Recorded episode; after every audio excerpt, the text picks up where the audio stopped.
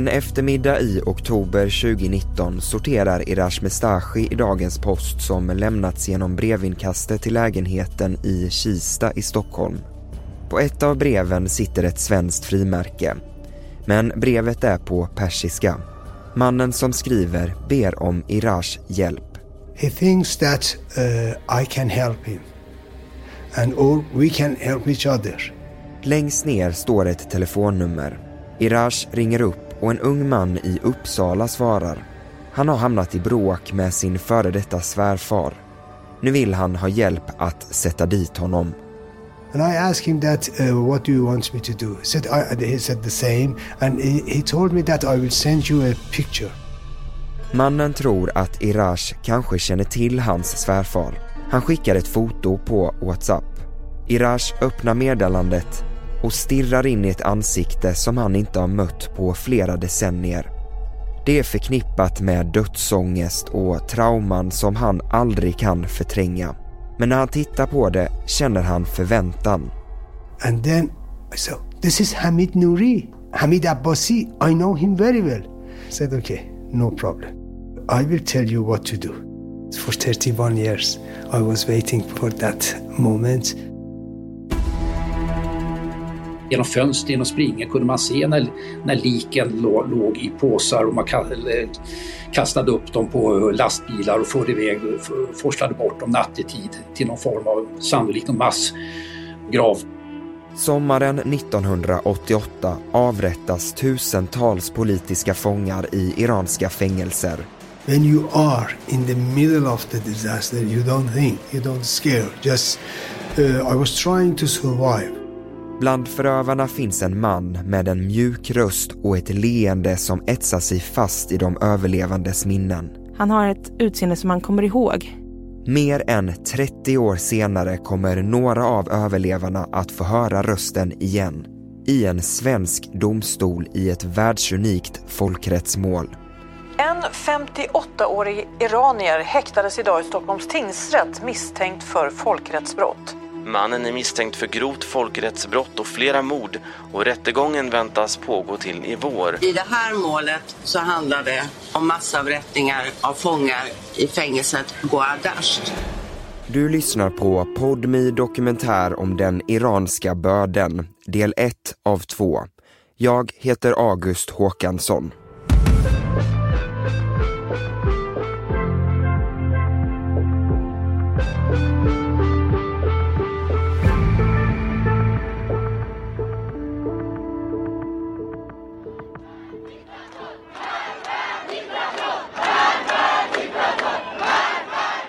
Hösten 2022.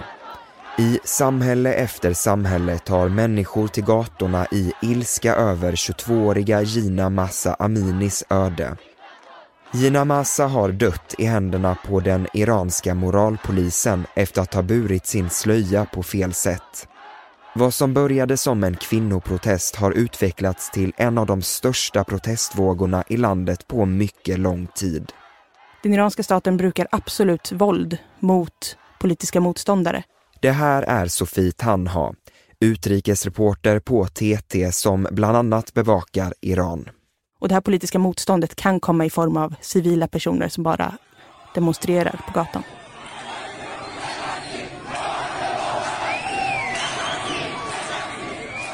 Det iranska folket är väldigt motståndskraftigt trots att det är totalförbjudet egentligen att föra fram politiska åsikter som, som inte regeringen tycker om, så är det ett politiskt folk.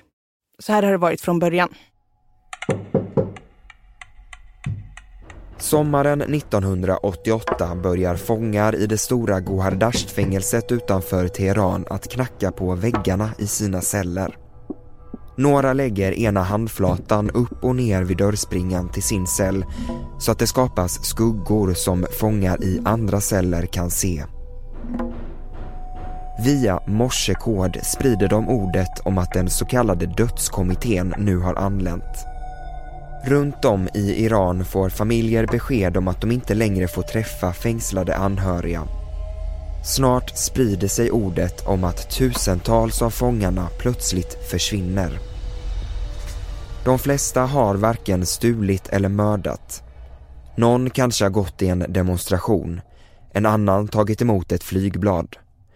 För att förstå varför de sitter där måste vi backa ytterligare ett decennium.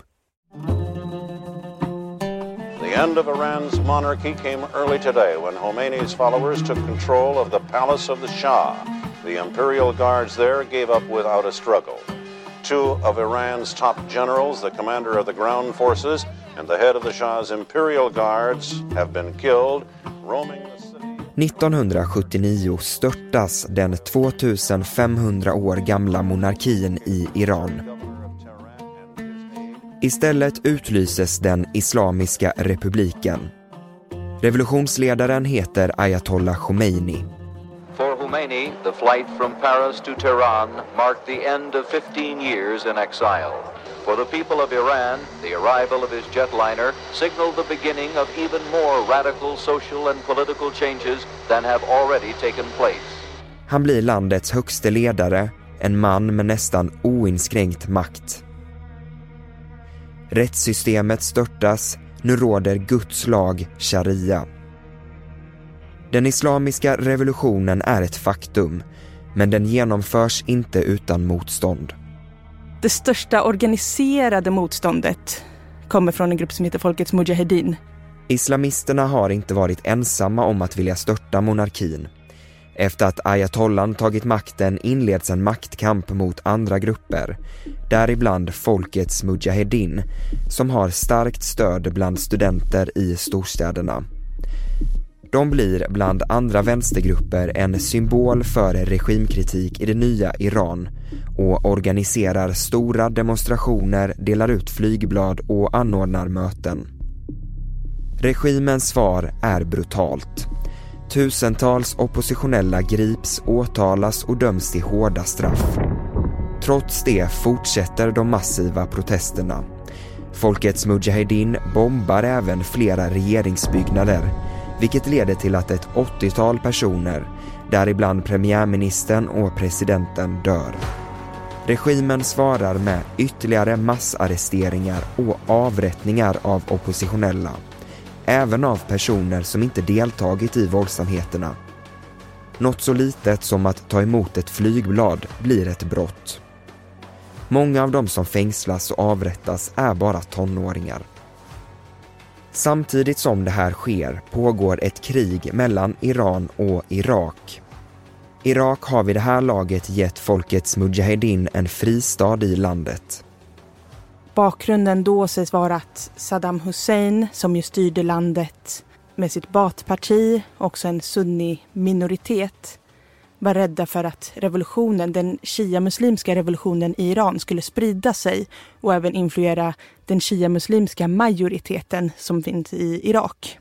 Och, och det här tillsammans med att man ansåg att styret eller regimen i Iran var, var ganska svag efter revolutionen gjorde att Irak eh, invaderade Iran utan att förklara krig i september 1980. Kriget pågår i många år.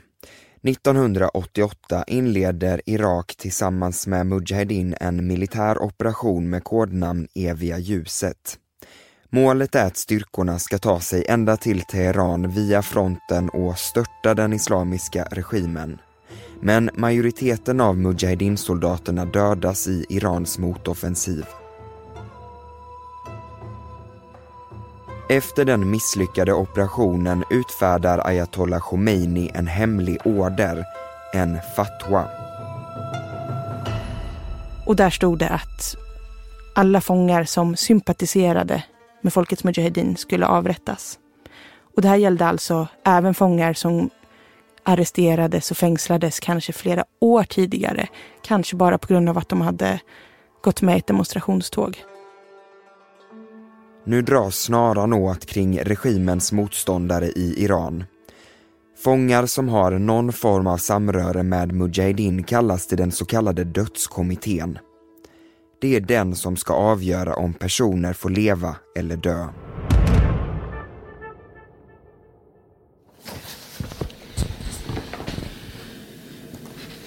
This is the whole prison. See, this is a wall, this is a wall, Here is the wall. Three walls. I wanted to document everything.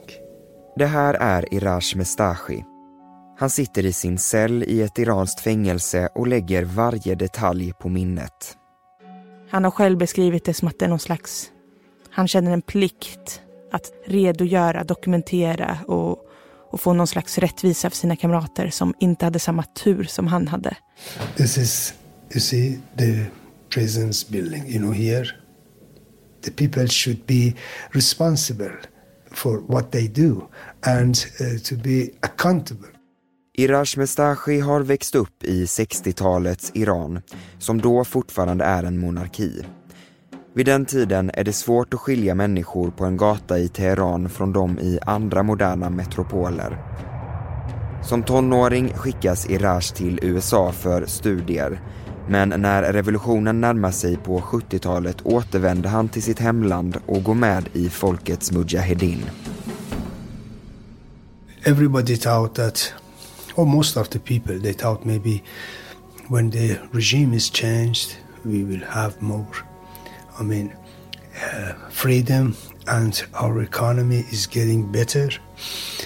Uh, of course, the people at first they were supporting the revolution, but we made a big mistake. 1981, efter revolutionen, grips Iraj, bara 21 år gammal. Han släpps men grips sen en andra gång och döms till 10 års fängelse. Han tillbringar en och en halv månad i det som kallas för kistan, en cell där små ut Get ahead of postage rate increases this year with Stamps.com. It's like your own personal post office. Sign up with promo code PROGRAM for a four week trial plus free postage and a free digital scale. No long term commitments or contracts. That's Stamps.com code PROGRAM. Utrymmen har delats upp av träskivor och där fångarna var och en isoleras iförda ögonbindel. De måste sitta helt stilla och förbjuds att prata med varandra eller lyfta på huvudet. Så där kan de bli sittande i uppemot 20 timmar i sträck. Ibland spelas predikningar upp i högtalare. Irash beskriver det som att han är levande begravd. You see, all the time they didn't even let us to put our head on our knees. And all the time you could hear the loudspeakers, the peoples, they were crying out, those who were broken under torture. I november 1986 kommer Irash Mestashi till Gohardasht-fängelset i Karash utanför Teheran. Kriget mellan Iran och Irak pågår för fullt och regimens jakt på oppositionella är mer intensiv än någonsin. Fångarna måste ha täckta ögon när de förflyttas i fängelset. De har fått tillåtelse att använda egna ögonbindlar Irash använder en traditionell handduk som liknar en palestinasjal. Den är lite genomskinlig vilket gör att han kan se vad som händer runt omkring honom. I was there and I was tortured so savagely and repeatedly I was tortured over there. After I was sentenced to 10 years imprisonment, still they, they tortured me.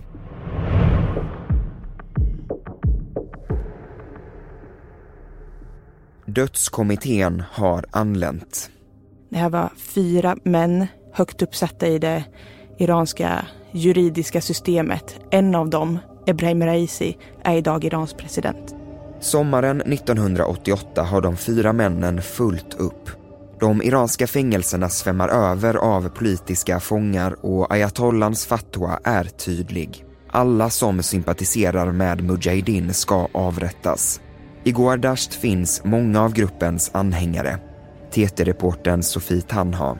De här männen fick ta beslutet baserat på vad personen, den politiska fången, hade svarat under väldigt bristfälliga förhör ifall han tog avstånd från Folkets Mujahedin, ifall han stöttade iranska staten. Kommittén stannar i flera veckor.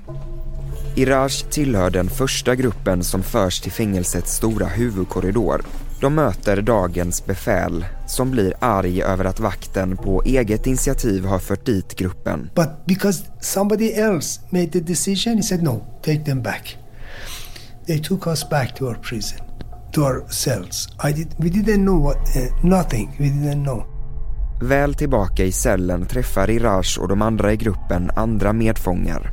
They told us that at the, at the same day, um, in the morning, they took a lot of uh, some prisoners out of the unit and they don't know what happened to them. Utanför fönstret till Iraj och medfångarnas cell sitter en rullgardin som de lyckats göra ett litet hål i. It was, I can tell you that it was night. We saw that there is something interesting behind the wall. The guards wants to go up the wall and they want to see something over there, but we didn't know what happened. Någon dag senare förs Iraj till korridoren en andra gång och den här gången får han träffa kommittén. Inne i en stor sal får Iraj ta av sig sin ögonbindel. Nu står han framför de fyra männen som börjar ställa frågor. Det går snabbt. De ställer frågor som fördömer du Mujahedin och gör du avbön för dina vänsteråsikter? Och det här pågick från några minuter upp till max tio minuter kanske. Och utan advokat. Det här är advokaten Göran Hjalmarsson som 30 år senare kommer att bli Irars svenska målsägande biträde.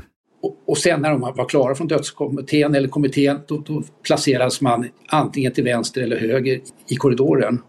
Och de som skulle föras till avrättning, de placerades på ena sidan. Och det, det kunde de, de, se, de kunde se alltså när deras kamrater fördes bort i korridoren till det här avrättningsrummet och sedan aldrig kom tillbaka.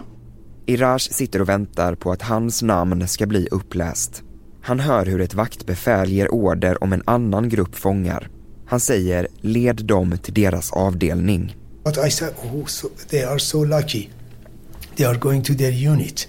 But I, I'd stay here at night. They will take us somewhere.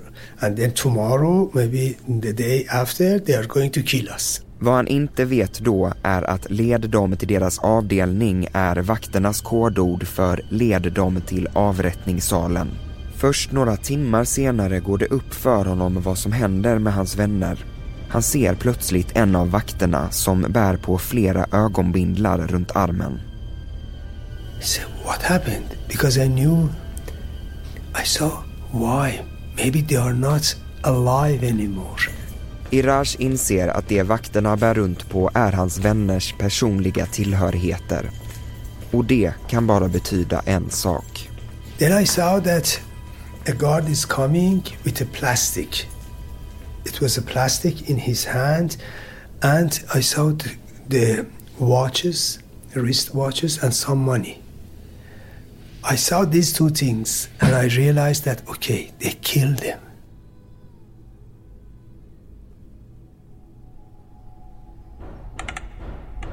Nu börjar fångarna kommunicera med varandra om vad som händer i korridoren som bland de intagna nu ska bli känd som dödskorridoren. Man kunde på olika eh, morsesignaler signalera till varandra och förklara eh, vad är som pågick nu. Göran Hjalmarsson igen. Man såg eh, plastpåsar, man såg eh, det var olika tecken som visade att, att nu har man börjat att avrätta människor. Hur var det möjligt att, att eh, mentalt klara av en sådan situation? Att eh, inte kunna sova, inte kunna äta, eh, känna, eh, förstå att ens bästa vänner nu har förts till avrättning och imorgon är det kanske min tur. Avrättningarna i fängelset har bara börjat. Paniken sprider sig. I början sker massavrättningarna i närheten av fängelsets matsal. Men snart flyttas avrättningsplatsen till fängelsets samlingssal som ligger längst ner i dödskorridoren. I en sal intill får fångarna beskedet att de ska avrättas. A lot of people, they took them to the gallows even they didn't know. They didn't know anything. A, a group of prisoners i was I was not there. When I came, a friend of mine told me that. They were so happy, and they were going there. They thought they are changing their unit. They didn't know anything. Några får plastpåsar att lägga sina värdesaker i och papper att skriva sitt testamente på. Efter det hängs de på rad. Iraj Mestashi befinner sig i dödskorridoren sex gånger. Fyra gånger ställs han inför dödskommittén. Gång på gång undviker han döden. En gång sneglar han genom sin ögonbindel och byter led i korridoren när en vakt inte är där. De allra flesta av hans medfångar försvinner, förs till avrättning. When you are in the middle of the disaster, you don't think, you don't scare. Just, uh, I was trying to survive.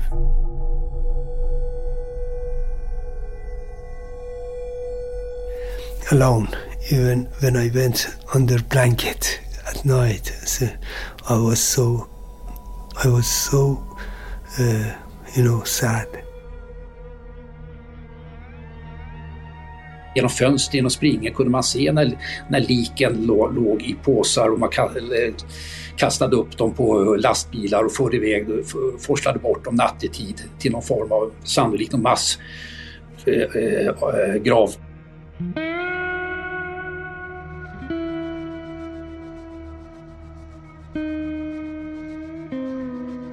Mannen dyker upp i dödskorridoren redan under de första dagarna. Han kallas Abbasi. Efter att ha fört grupper med fångar till avrättningssalen vill han fira. When we are, when we have a party or celebration in Iran, we take uh, some cookies or some cakes to people and we offer them and tell them make your mouth sweet it means you, you should be happy or uh, you, you should be with us in this celebration. And he offered us. De som jobbar i fängelset har alias så att fångarna inte ska känna till deras riktiga namn. Men den här mannen vet inte att en av fångarna har fått reda på hans riktiga identitet och lagt det på minnet. Det finns en väldigt speciell scen som målas upp i ett av förhören med en av personerna som har suttit fångad i Gohardasht-fängelset. Sofie Tanha, utrikesreporter på TT igen. Hamid Nouri skulle tortera honom. Och för att göra det då under misshandeln så tog han av sig sin kavaj. Och ut ur kavajen ramlade hans ID-kort. Och då kunde den här politiska fången då se att mannen som kallar sig för Hamid Abbasi är Hamid Nouri.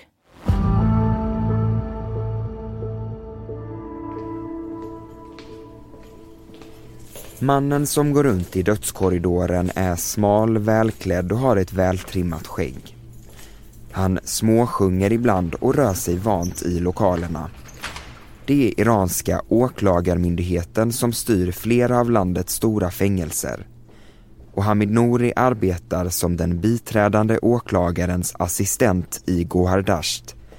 Väldigt många har vittnat om att han jobbade där en majoritet av tiden och han skötte den dagliga verksamheten i fängelset.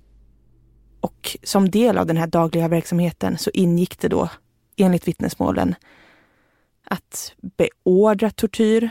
I vissa fall utfärdade han den själv. Även Hamid Nouri är född i 60-talets Iran. Men till skillnad från Irash Mestashi blir han tidigt lojal regimen. På Gohar Dasht har han blivit placerad efter att bland annat ha arbetat som vakt på andra stora fängelser. Han är 27 år gammal och gift. Samtidigt som dödskommittén anländer till Gohardasht i juli 1988 föds Hamid Nouris andra barn, en dotter. Han beskriver sig själv som en familjeman, lojal den iranska regimen, en troende muslim. Han levde den iranska motsvarigheten till ett svenssonliv. På Gohardasht är fångarna vana vid att vända sig till den unge assistenten med olika ärenden om permissioner, besök eller förflyttning. Efter de fyra mäktiga männens ankomst förändras Hamid Noris arbetsuppgifter över en natt under avrättningsperioden så hade han ju uppgifter som gick ut på att han valde ut fångar som skulle ställas inför kommittén. Han ropade upp namn, han lämnade in dokumentation till den här kommittén eh, rörande de olika personerna. Eh, han eh, kunde vara med och föra bort dem till avrättningsplatsen. Iraj Mestashi möter Hamid Nouri flera gånger i dödskorridoren. Mannen som går runt och nynnar är nästan jämngammal med honom själv. Iraj märker att vakterna och befälen börjar bli trötta efter veckor av avrättningar. Some of them, they were tired. They wanted to get rid of that. They wanted to, I mean, uh, to go here and there, not to be anymore uh, in the process. Hamid Nouri was very active. He, he didn't get tired. Nouri fortsätter dyka upp i korridoren för att bjuda fångarna på kakor. Hamid Nouri har beskrivits av de här politiska fångarna som har överlevt som att han ofta log och också kunde komma med förnedrande skämt. Sofie Tanha igen. Han har en blick som man inte glömmer. Han har ett ganska spetsigt utseende och att han har ett utseende som man kommer ihåg.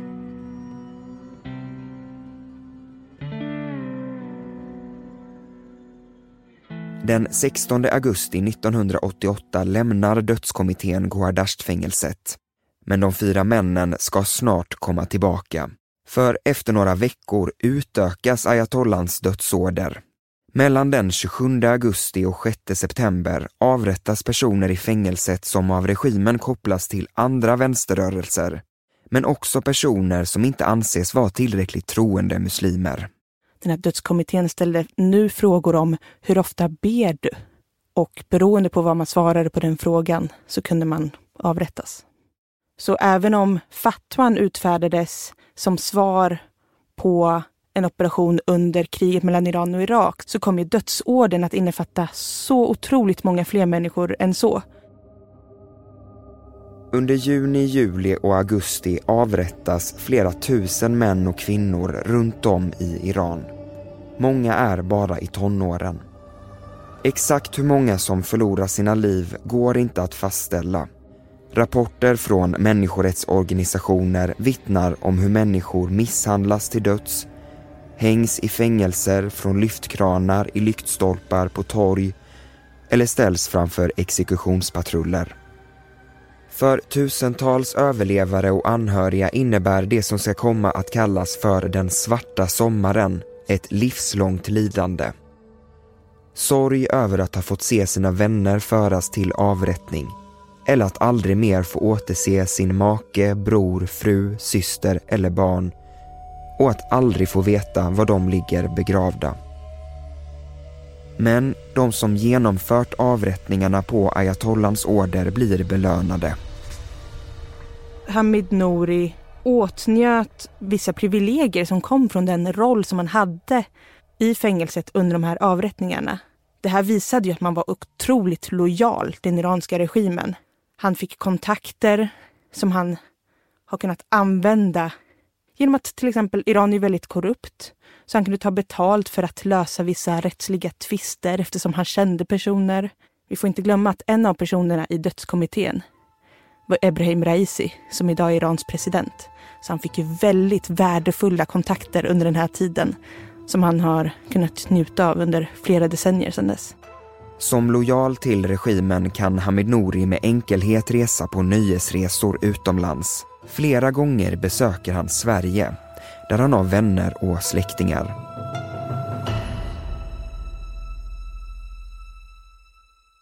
Iraj Mestachis första möte med Sverige sker 1994. Han beviljas asyl efter att ha flytt Iran tillsammans med sin familj. Nu börjar en livslång kamp för att föra de ansvariga för massavrättningarna inför rätta. Han ägnar år åt att ta fram de riktiga namnen på personerna som var inblandade. You know, everybody who's working in prison, it doesn't matter in the kitchen or he was driver or in the clinic, you see, they were involved. All of them. 1996 publicerar han flera artiklar om mannen som kallar sig för Abbasi. Den leende assistenten som delade ut kakor till fångarna efter avrättningarna.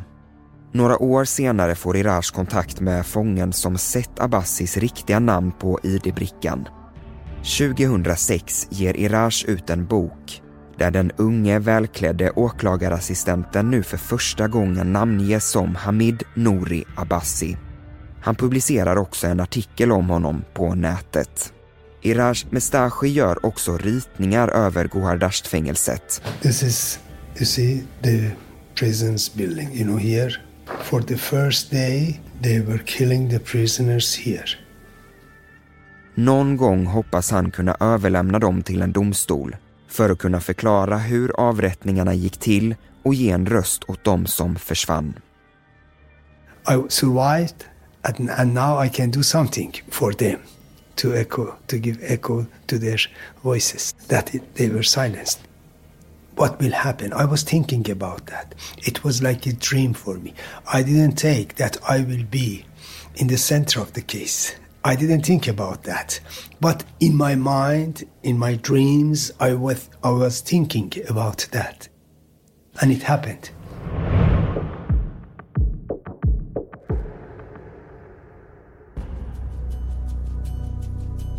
Det har gått 30 år sedan Iraj Mestashi senast såg den unge åklagarassistenten.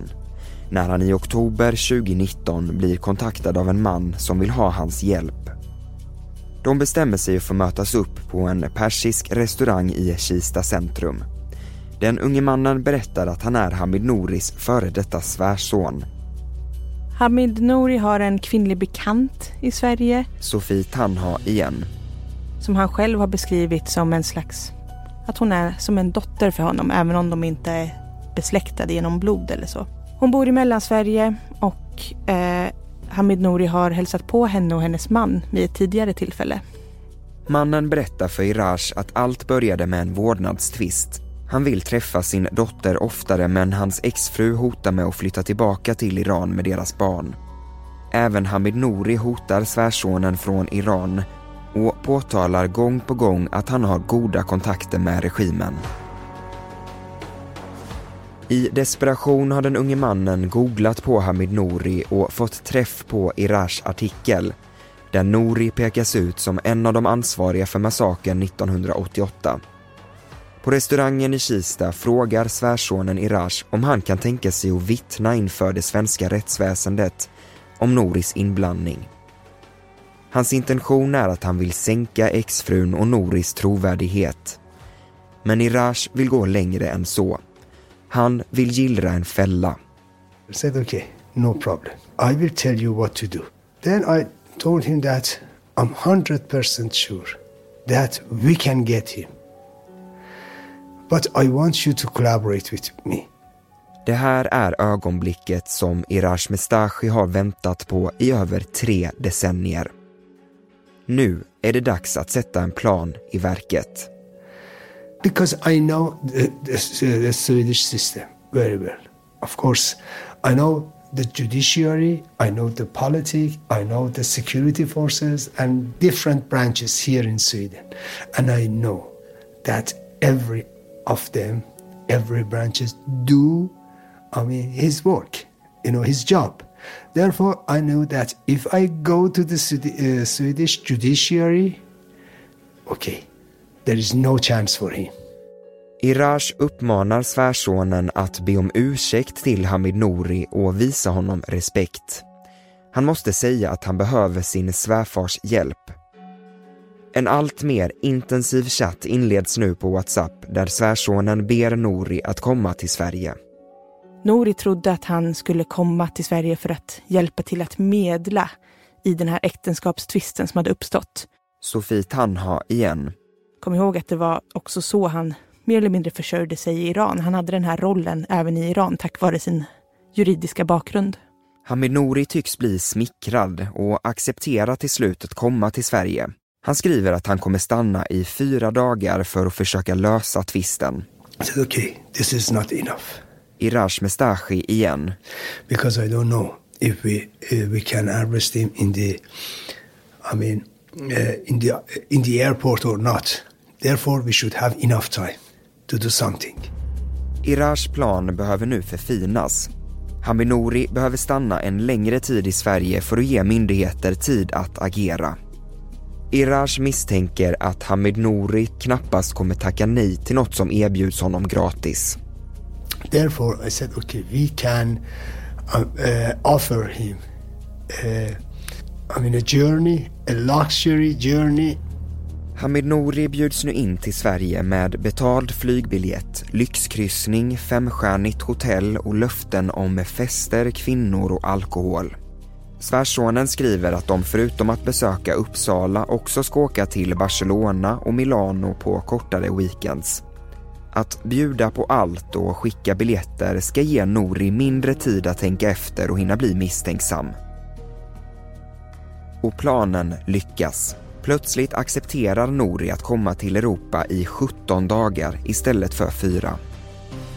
Cruise, parties, alcohol, girls, having good time, enjoy your life for free. He changed his mind. He said, okay, it's good, why not? And then uh, I can go three countries, four countries, have good time there, and uh, it's free.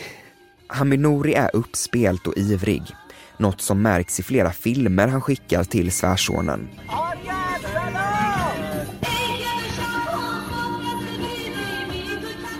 I en av dem sitter Nori bakom ratten på gatorna i Teheran med musik på högsta volym. Musik som den iranska regimen inte gillar.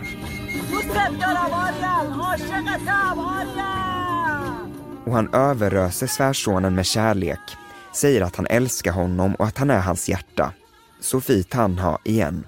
Hamid Nouri har sen kommenterat den här filmen och sagt att jag brukar inte lyssna på eh, vad ska man säga, sekulär iransk musik. Men just nu så råkade jag göra det i den här bilen. Tonen i deras kommunikation verkar av allt att de har varit väldigt eh, lättsam och öppen.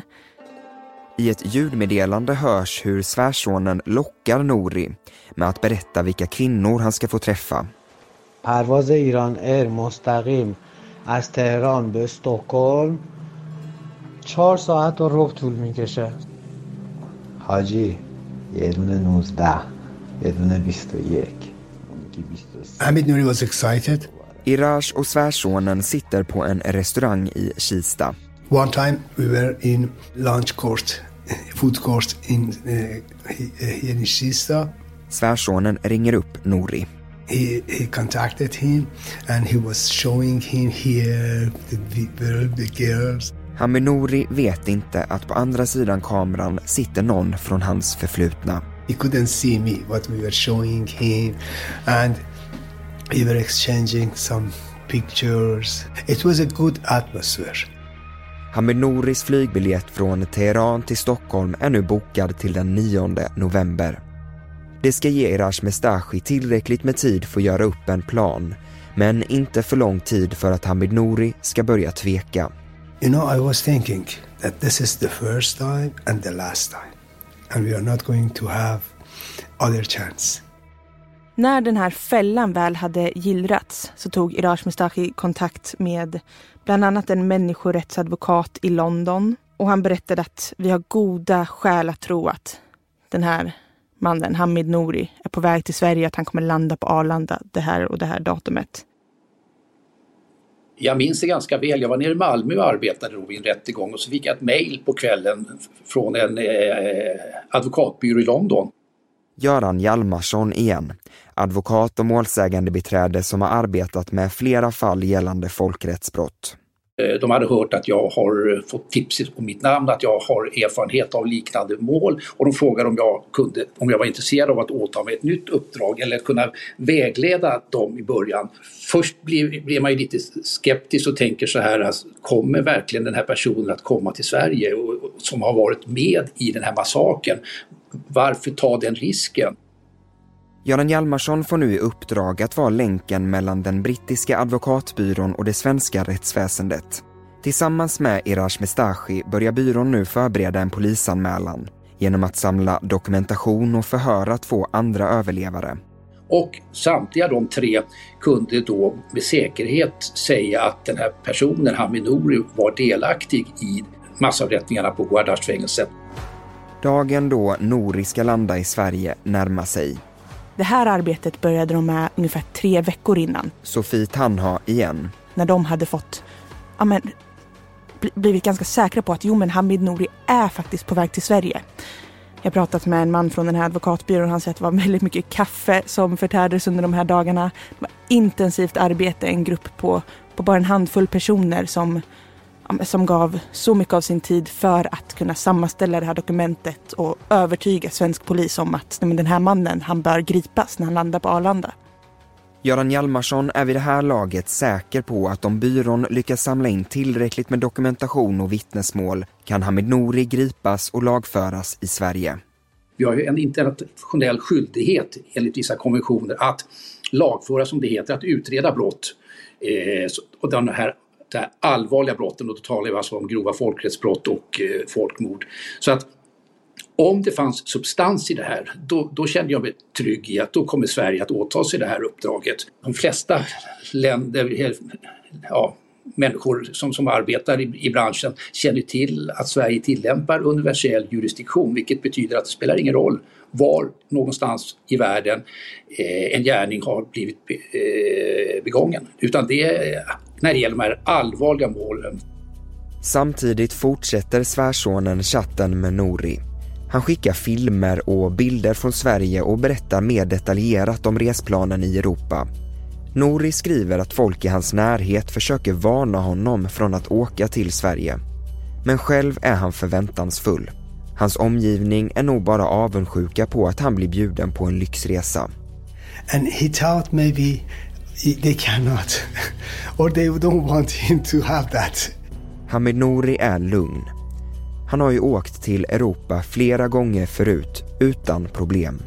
He was coming to Europe and two times he came to Sweden. Nothing happened. You know, nothing happened.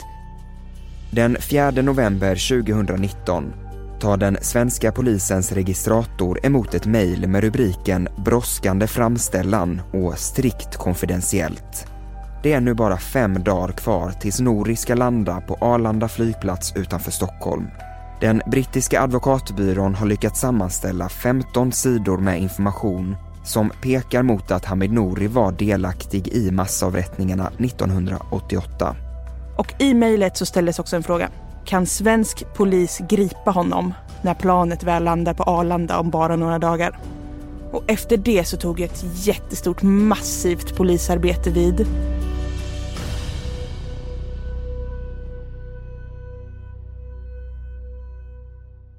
I sin lägenhet i Kista går Irash Mestashi runt och runt. Han kan inte sitta ner. It was the last chance for us. If we couldn't arrest him, I think he would, we wouldn't have this, I mean, any chance to take him to Sweden or to arrest him in future. Han får plötsligt ett infall och bokar en flygbiljett till USA.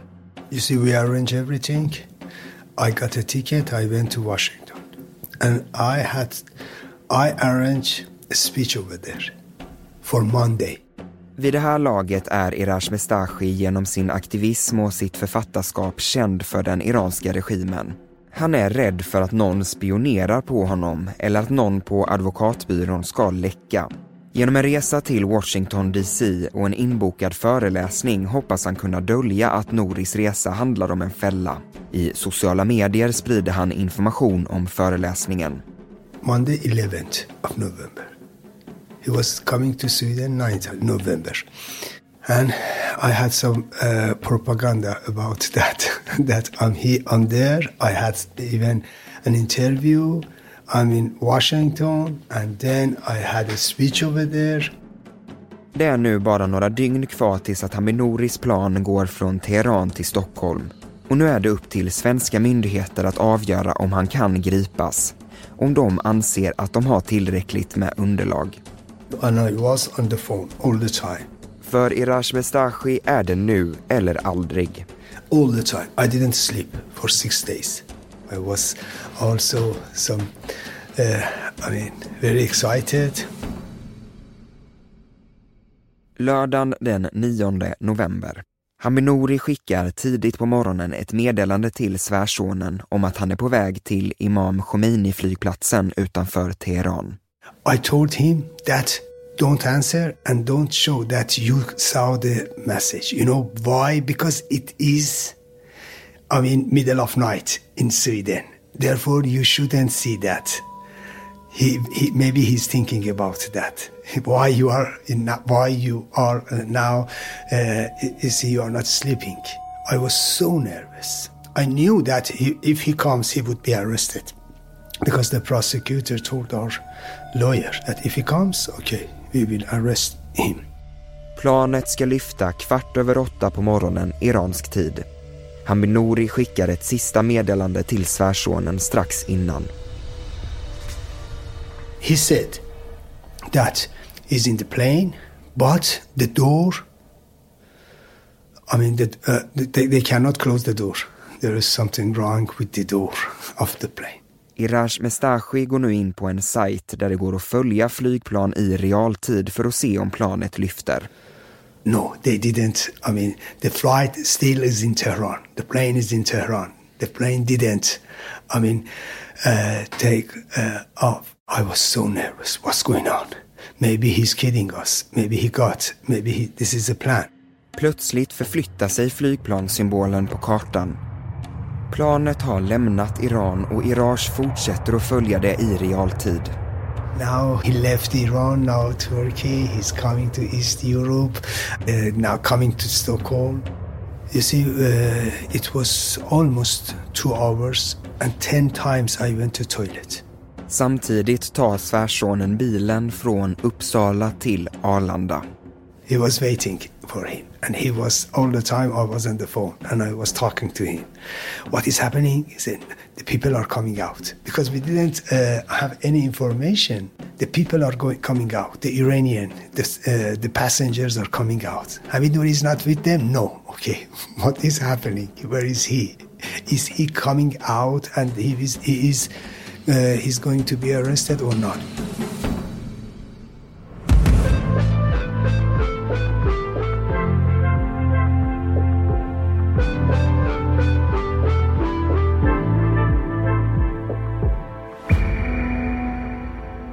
Du har hört del 1 av 2 av Podmi dokumentär om den iranska börden. En produktion av tredje statsmakten media. Vill du höra hela serien kan du göra det redan nu hos Podmi.